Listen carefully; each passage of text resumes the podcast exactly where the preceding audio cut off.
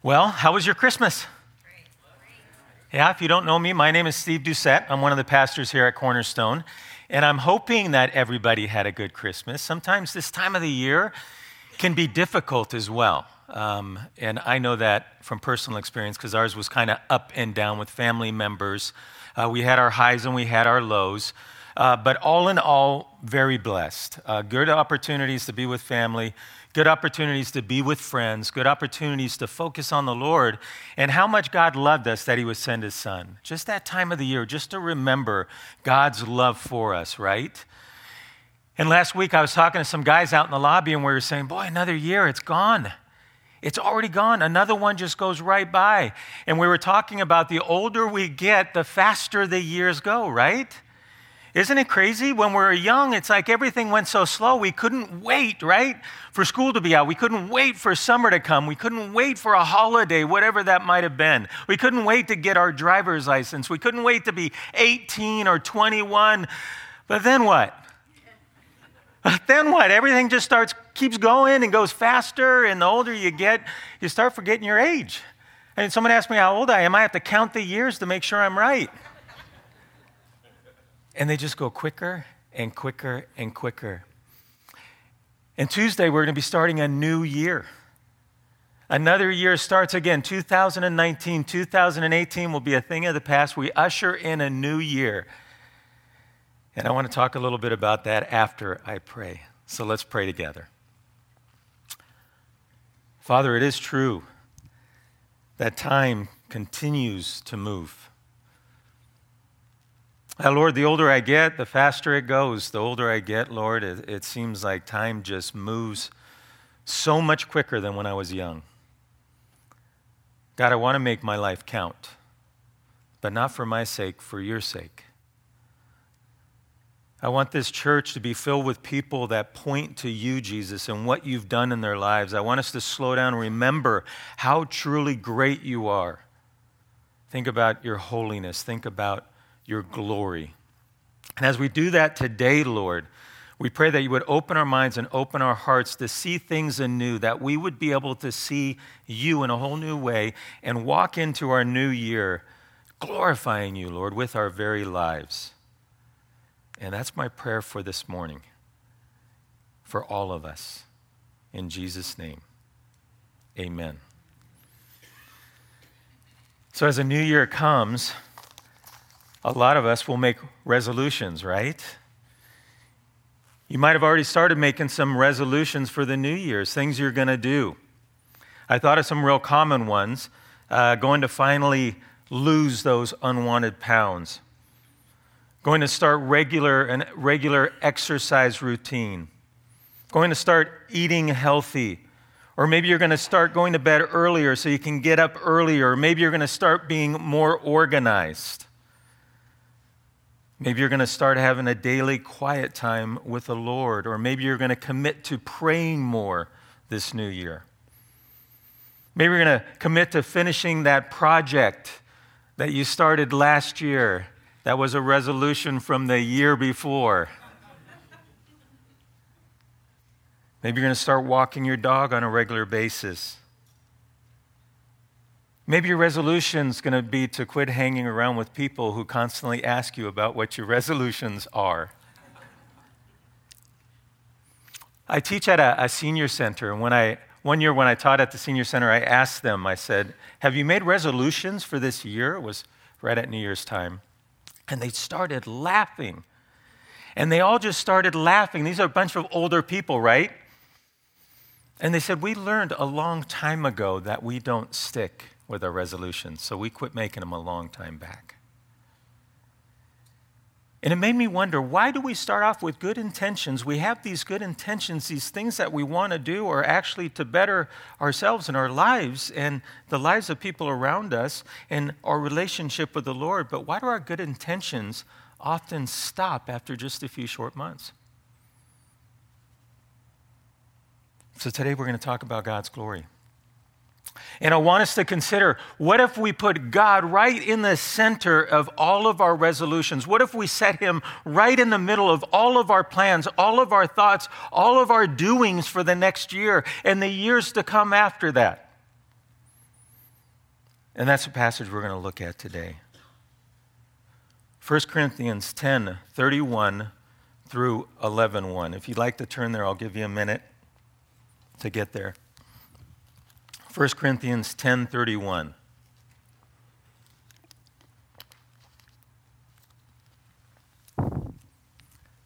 This is Paul speaking. And Paul says, So whether you eat or drink or whatever you do, do all to the glory of God. Give no offense to Jews or to Greeks or to the church of God.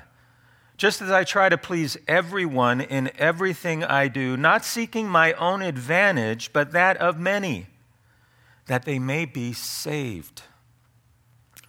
Be imitators of me as I am of Christ. Now, in this short little passage, Paul is kind of summing up what he's been talking about or wrote about in chapters 8 through 10. He's giving you a, a summary, a conclusion. He's wrapping it all up for you. And the main part we're going to focus on is verse 31. So, whether you eat or drink or whatever you do, you do it all for the glory of God. But I want to look at the rest of this passage first. He says, Give no offense to Jews or Greeks or to the church of God. Now, that includes everybody, just so you know. Give no offense to anyone. He says, just as I try to please everyone in everything I do, not seeking my own advantage, not to bring the limelight on myself, not so people say, oh, look at Paul, look at Paul, but he does it for the advantage of others. And that advantage that he wants for others is that some may come or many may come of all the people they might come to a saving faith. He says, That's why I live my life. Paul has been talking about meat offered to idols, and he says this meat that's offered to idols, he says, be careful. Not that the meat is anything special, and not that the idol is real, because the idol isn't real. There's only one God. But be careful if you take of something, don't let it wound the conscience of another. Don't live just for your own advantage, but think of the many. Think of how they might be saved. Think of what you're doing first.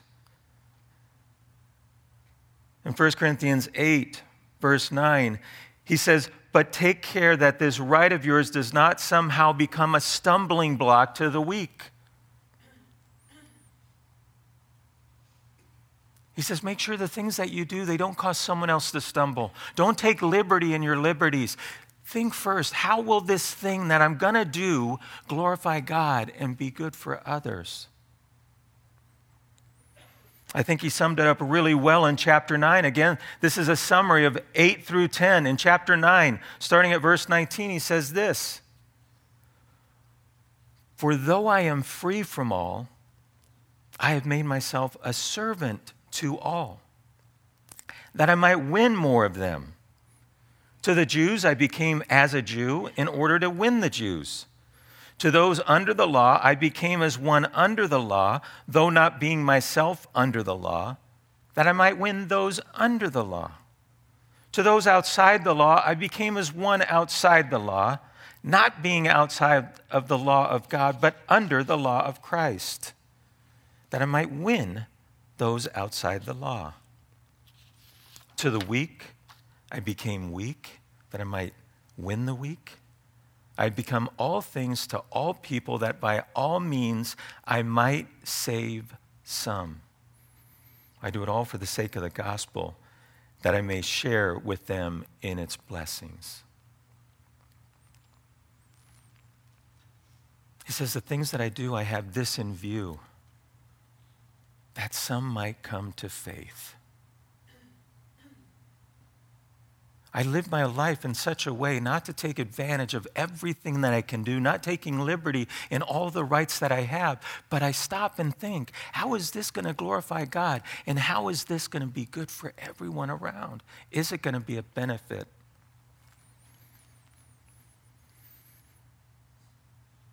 In chapter 10, before our verse, he says this in, in verse 23 All things are lawful, but not all things are helpful. All things are lawful, but not all things build up. Be careful of what you do. Make sure you're doing it with the right motivation, with the right heart. Make sure that you have Christ in view.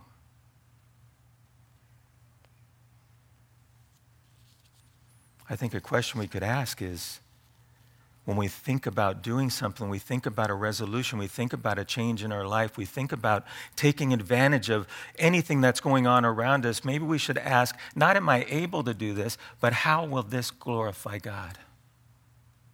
How will this be a benefit to those people around me?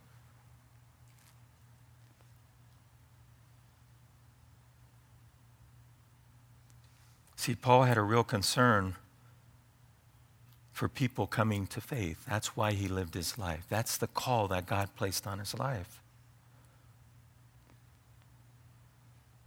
And he understood what it meant to follow Jesus. That's why he could say, Be imitators of me as I imitate Christ. Galatians 2:20. Paul says this, I have been crucified with Christ. It is no longer I who live, but Christ who lives in me.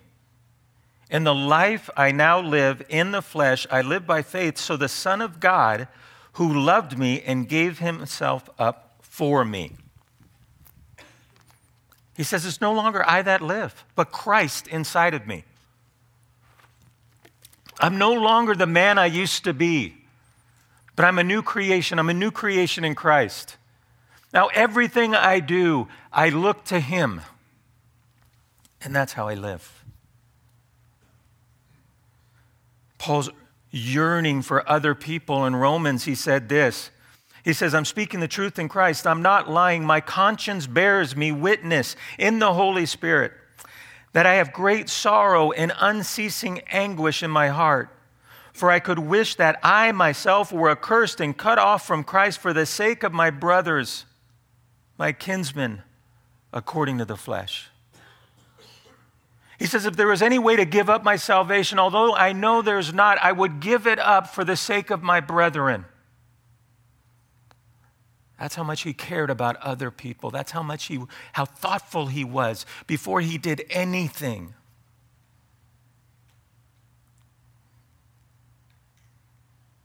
In Philippians 1:21 he says this, for me to live is Christ and to die is gain. I mean, think about that statement. It's a realization I know that if I follow Christ, there's going to be trials, there's going to be tribula- tribulation in my life. I know there's going to be hard times. I know there's going to be sorrow. I know people are going to come against me because they came against Him. But for me, to live as Christ, I live as He lived, I walk as He walked. That's my goal. And if I was to die today, that would be a gain because I'd be in his presence and everything would be right. To be absent from the body is to be present with the Lord, is what Paul says. In that same passage, he'll go on and he says, And it's such a struggle for me because I don't know what to do. Do I stay here or do I go to be with God? He says, For your sake, for the sake of the people, and for the plan that God has for my life, I keep living for the benefit of others to the glory of God. Isn't that beautiful?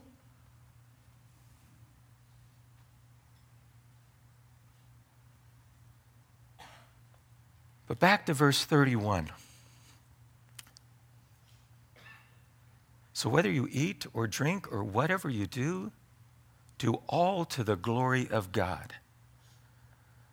This morning, I want to walk you through some scriptures and I want you to see God's glory through the pages of Scripture. Starting with Isaiah 42 8. It'll be on the screen. I am the Lord, that is my name. My glory I give to no other, nor my praise to carved idols. God is a very jealous and zealous God. He does not give his glory away. He is glory. This glory are it, it's shown by his attributes, by his love, by his power, by his creation. We'll see that. But everything he does is for his glory. Remember, he's before all things, he created all things. He's the same yesterday, today, and forever. He's ever existent.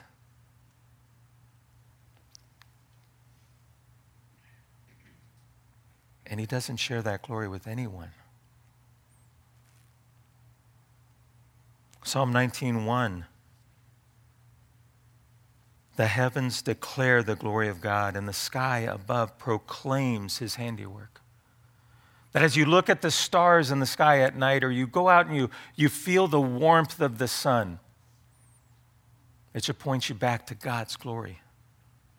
That if you think of the vastness of space, and the size of the stars in our solar system, how perfectly everything keeps in order. And how it goes so far beyond, and our minds can't completely contain what that even means to go forever. It all points to the glory of God. One, God, one uh, commentator was talking about glory, and he said, if you were to look at the sun and you were to wonder what this, mean, this word glory actually means, the heat from the sun would actually be the sun's glory. Do you understand that? The sun is there, and one of the attributes of the sun and what it does, the sun gives off heat and keeps us warm so we don't freeze. So the heat from the sun would actually be the glory of the sun. The light from the sun would actually be the glory from the sun one of its attributes describing what it is. Well, think about this God created that sun. So the heat, the light, the sun itself, all glory goes to God. Sure, those things are true of the sun, but ultimately, who created the sun and who created the stars and who created the heavens and who created the earth? Who created you and I. So creation declares his glory. All glory belongs to him and him alone. He shares his glory with no one. And in the Bible, you have these, these visions, if you will, from different people who have visions of God's glory. Ezekiel was one of them.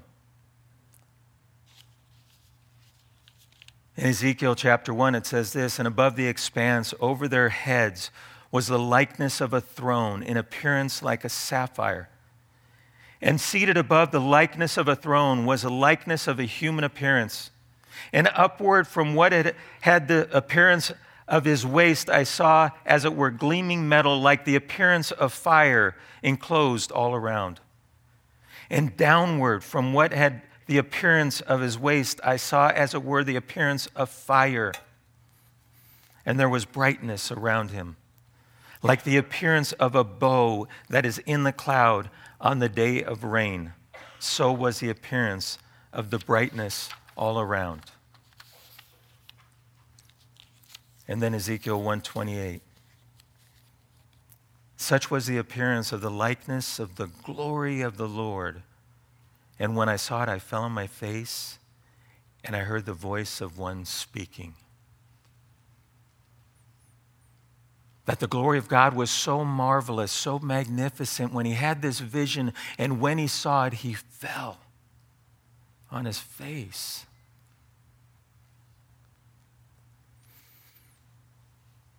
Isaiah, he explains the same thing if you want to look it up later in chapter 6, starting at verse 1.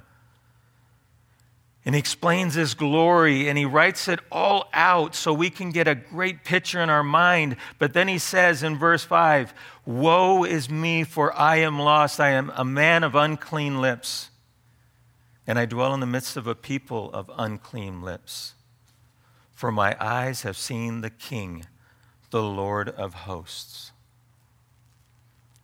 Woe is to me to get a glimpse of that glory, that magnificent radiance, a picture of his power, of his might.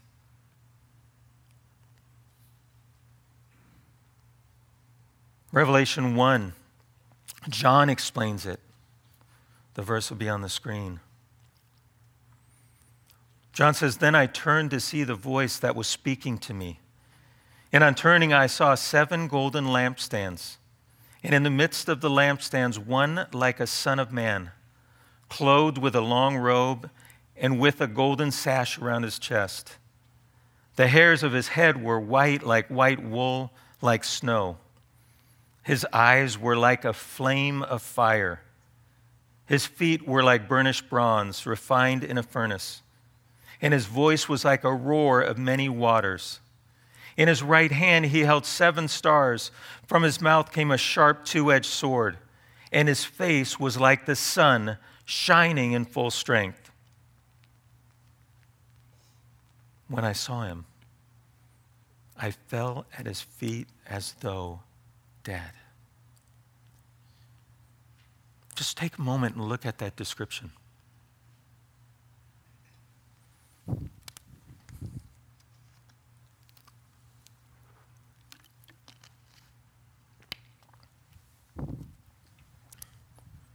What John's trying to do, he's trying to put in as many words as he can, the best description, everything he's using, anything he can grasp to give you an idea of this glorious God.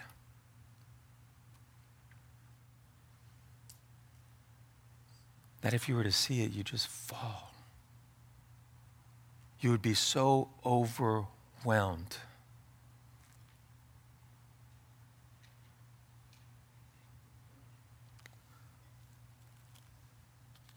God's glory was also displayed with Israel. And there was a Jewish term for it. It was called Shekinah glory.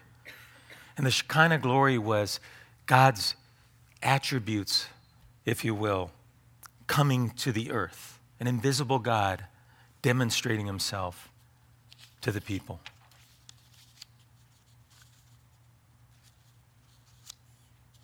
In Exodus 13, it says this and the Lord went before them by day in a pillar of a cloud to lead them along the way, and by night in a pillar of fire to give them light, that they might travel by day and by night. The pillar of the cloud by day and the pillar of fire by night did not depart before the people. Shekinah glory, God's presence with his people. Could you imagine? Here's a people that were enslaved in Egypt. And God sends Moses in to be his spokesperson, Moses and Aaron, to go in and to get his people freed. And now they're freed and they're out in the desert. And they're not by themselves because they have this pillar of smoke during the day. They have evidence of God being with them day by day by day. And at night, it's a pillar of fire so they can actually see it night by night by night. And Moses would go up to Mount Sinai, right? And he would go up to meet with God. He says, God, let me see your glory. And God would say, You can't see my face because if anyone sees my face, they'll die. Because his glory is so magnificent. These people that fall over, he says, if you see it actually face to face, you'll die. So he says, Come up to the mountain, and he sets him in a cleft on the rock, and he puts his hand over him, and he passes by. God passes by and lets him see his back. And this glory from his back actually changes Moses' face. So when he comes down, his face has a glow from the glory of God.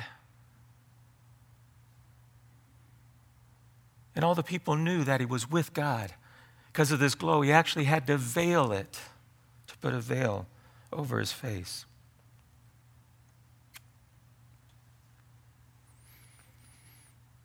We just celebrated Christmas in Luke 2, chapter 2, verse 8. We read this during this Christmas season. Starting verse 8, it says this And in the same region where the shepherds out in the field, keeping watch over their flock by night, and an angel of the Lord appeared to them, and the glory of the Lord shone around them, and they were filled with great fear. And the angel said to them, Fear not, for behold, I bring you good news of great joy that will be for all people. For unto you is born this day in the city of David a Savior, who is Christ the Lord. Just like with Israel in the desert, in this cloud or this fire, all of a sudden, this bright light, it shines and it's the glory of God. And the shepherds were afraid.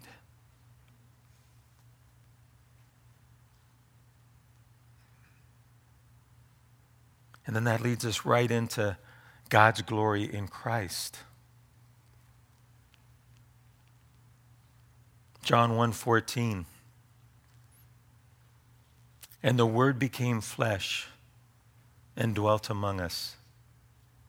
And we have seen his glory. Glory as of the only son from the father full of grace and full of truth.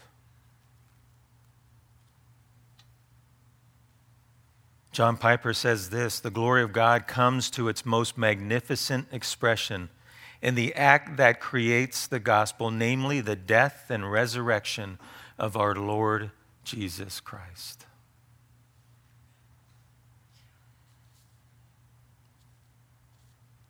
God's glory revealed in his Son.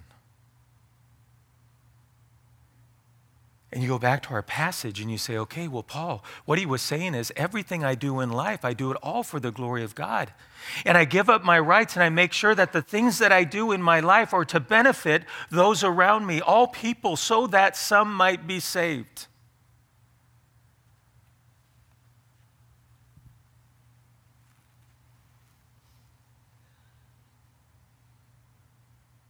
I guess you could say he understood the Great Commission. Therefore, go make disciples of Jesus Christ, right?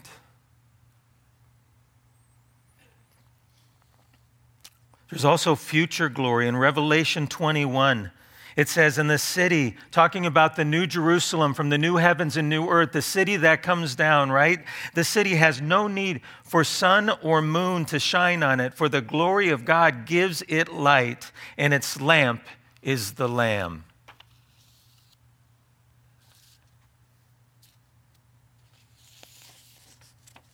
God's glory is magnificent. God's glory is incredible. If we were to see God's glory in this room right now, we would all be forced to fall down.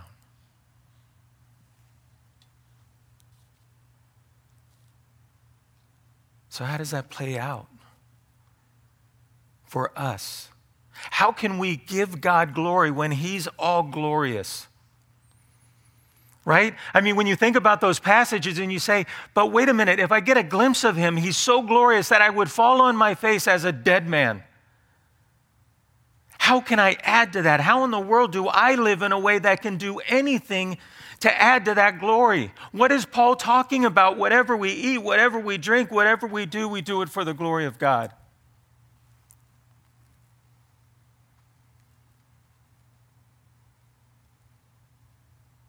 After all, scripture tells us all have sinned and fall short of the glory of God, right? Romans 3:23.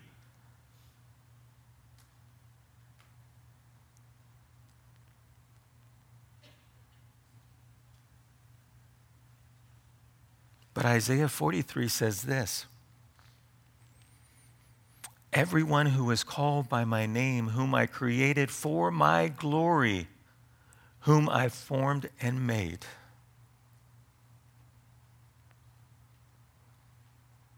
You see, certainly everyone has sinned and fall short of the glory of God, but when you give your life to God, when you surrender yourself to Jesus, when you repent, turn from your sins and turn to Him, now you're a child of God. Now comes the reality that you were created in God's image. That means something new to you because that fact is the same for everyone, whether they put their faith and trust in Christ or not. Man and woman, male and female, were created in the image of God.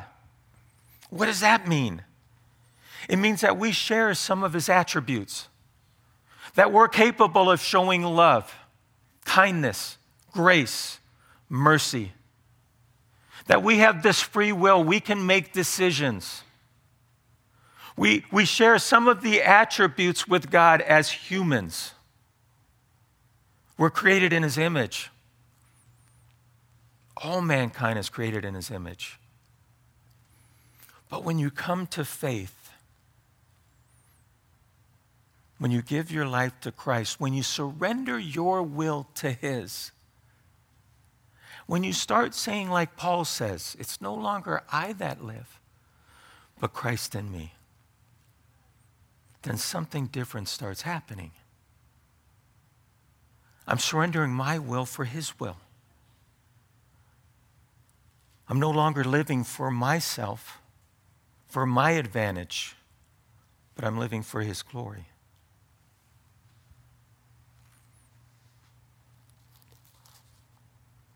So if I think about, well, what am I going to do in this new year? Well, well, maybe I am going to start exercising, but why am I starting to exercise? Well, maybe so I can have some more energy so I can get out and talk about the Lord more. Maybe I'm going to start exercising so I can get up earlier in the morning, but there's a purpose in me getting up earlier in the morning. I want to spend time in God's Word. I want to spend time in fellowship and prayer with Him. Well, maybe it is I want to lose weight, but I want to lose weight so that I'm not tired all the time. I want to lose weight so I have more energy because my, my body is a temple of the Holy Spirit. And I want to show, show that to other people around me. And I want to have energy to be able to speak of that as well.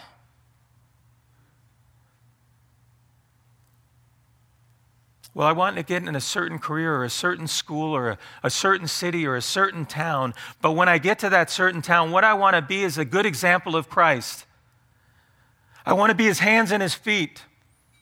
I want to talk to people about the Lord. I want to share about my salvation. I want to do things in a way that truly point people back to Christ, not to me. Well, I want to do better at my job this year. I want to be more academic this year. But I want to do that not so they look at me, so then I can talk to them about Christ, because Christ is the one who gives me my smarts. Christ is the one who gifts me with whatever it is that could do anything. He's the one who gives me my breath to sustain me.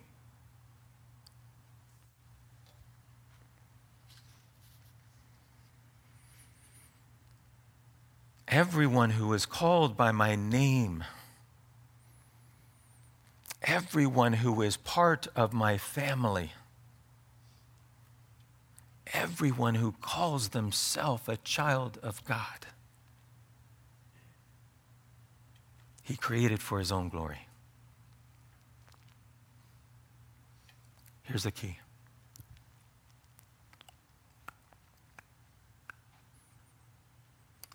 God, I want my life to be about you.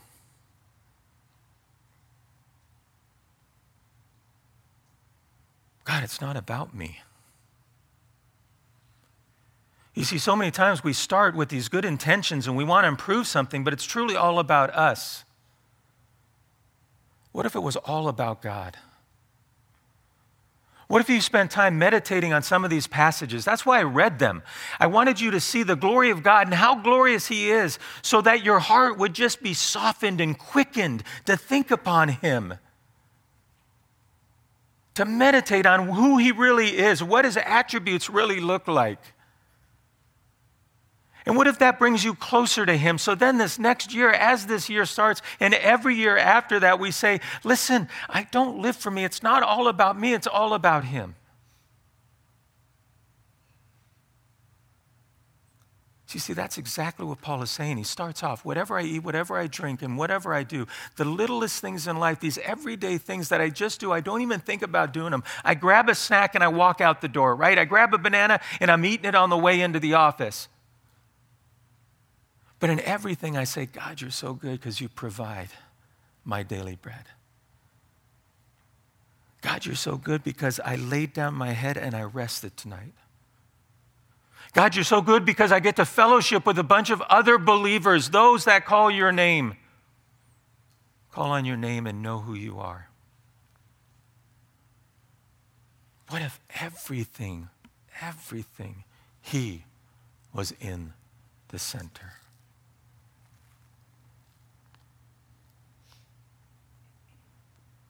First Chronicle says in chapter 16, ascribe to the Lord the glory that is due his name.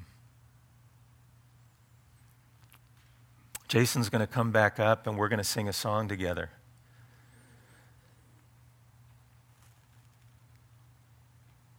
And as we sing together, are we going to ascribe to the Lord the glory that is due his name? Psalm 115 says, Not to us, O Lord, not to us, but to your name give glory, for the sake of your steadfast love and your faithfulness. The psalmist says, Because of everything you've done to me, I have everything I could ever need. Do you believe that? Well, what if my job goes away tomorrow? That's okay. God will provide, God is faithful. I have salvation. Well, what if my money runs out? What if my health gives up? God is faithful. My eternity is set. My hope is in Christ, and it's in heaven. And it doesn't matter if I have a week left, a year left, or five years left. I'm set.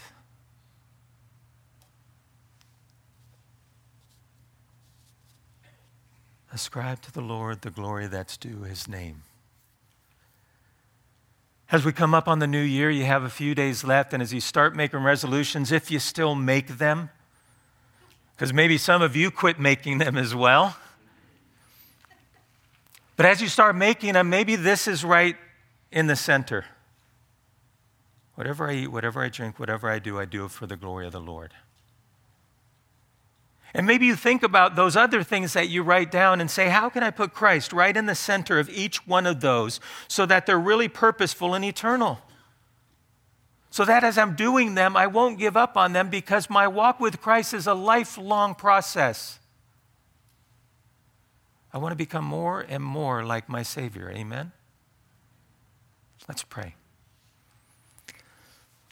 God, may we live in a way that brings honor and glory to your name. God, may we think through the simplest things of life and give you praise. Lord, the seat that we're in, this building that we use, the car that we drove, the family that we hug and love and kiss, our friends that we talk to and communicate with, family members, Lord, that sometimes we only see once a year.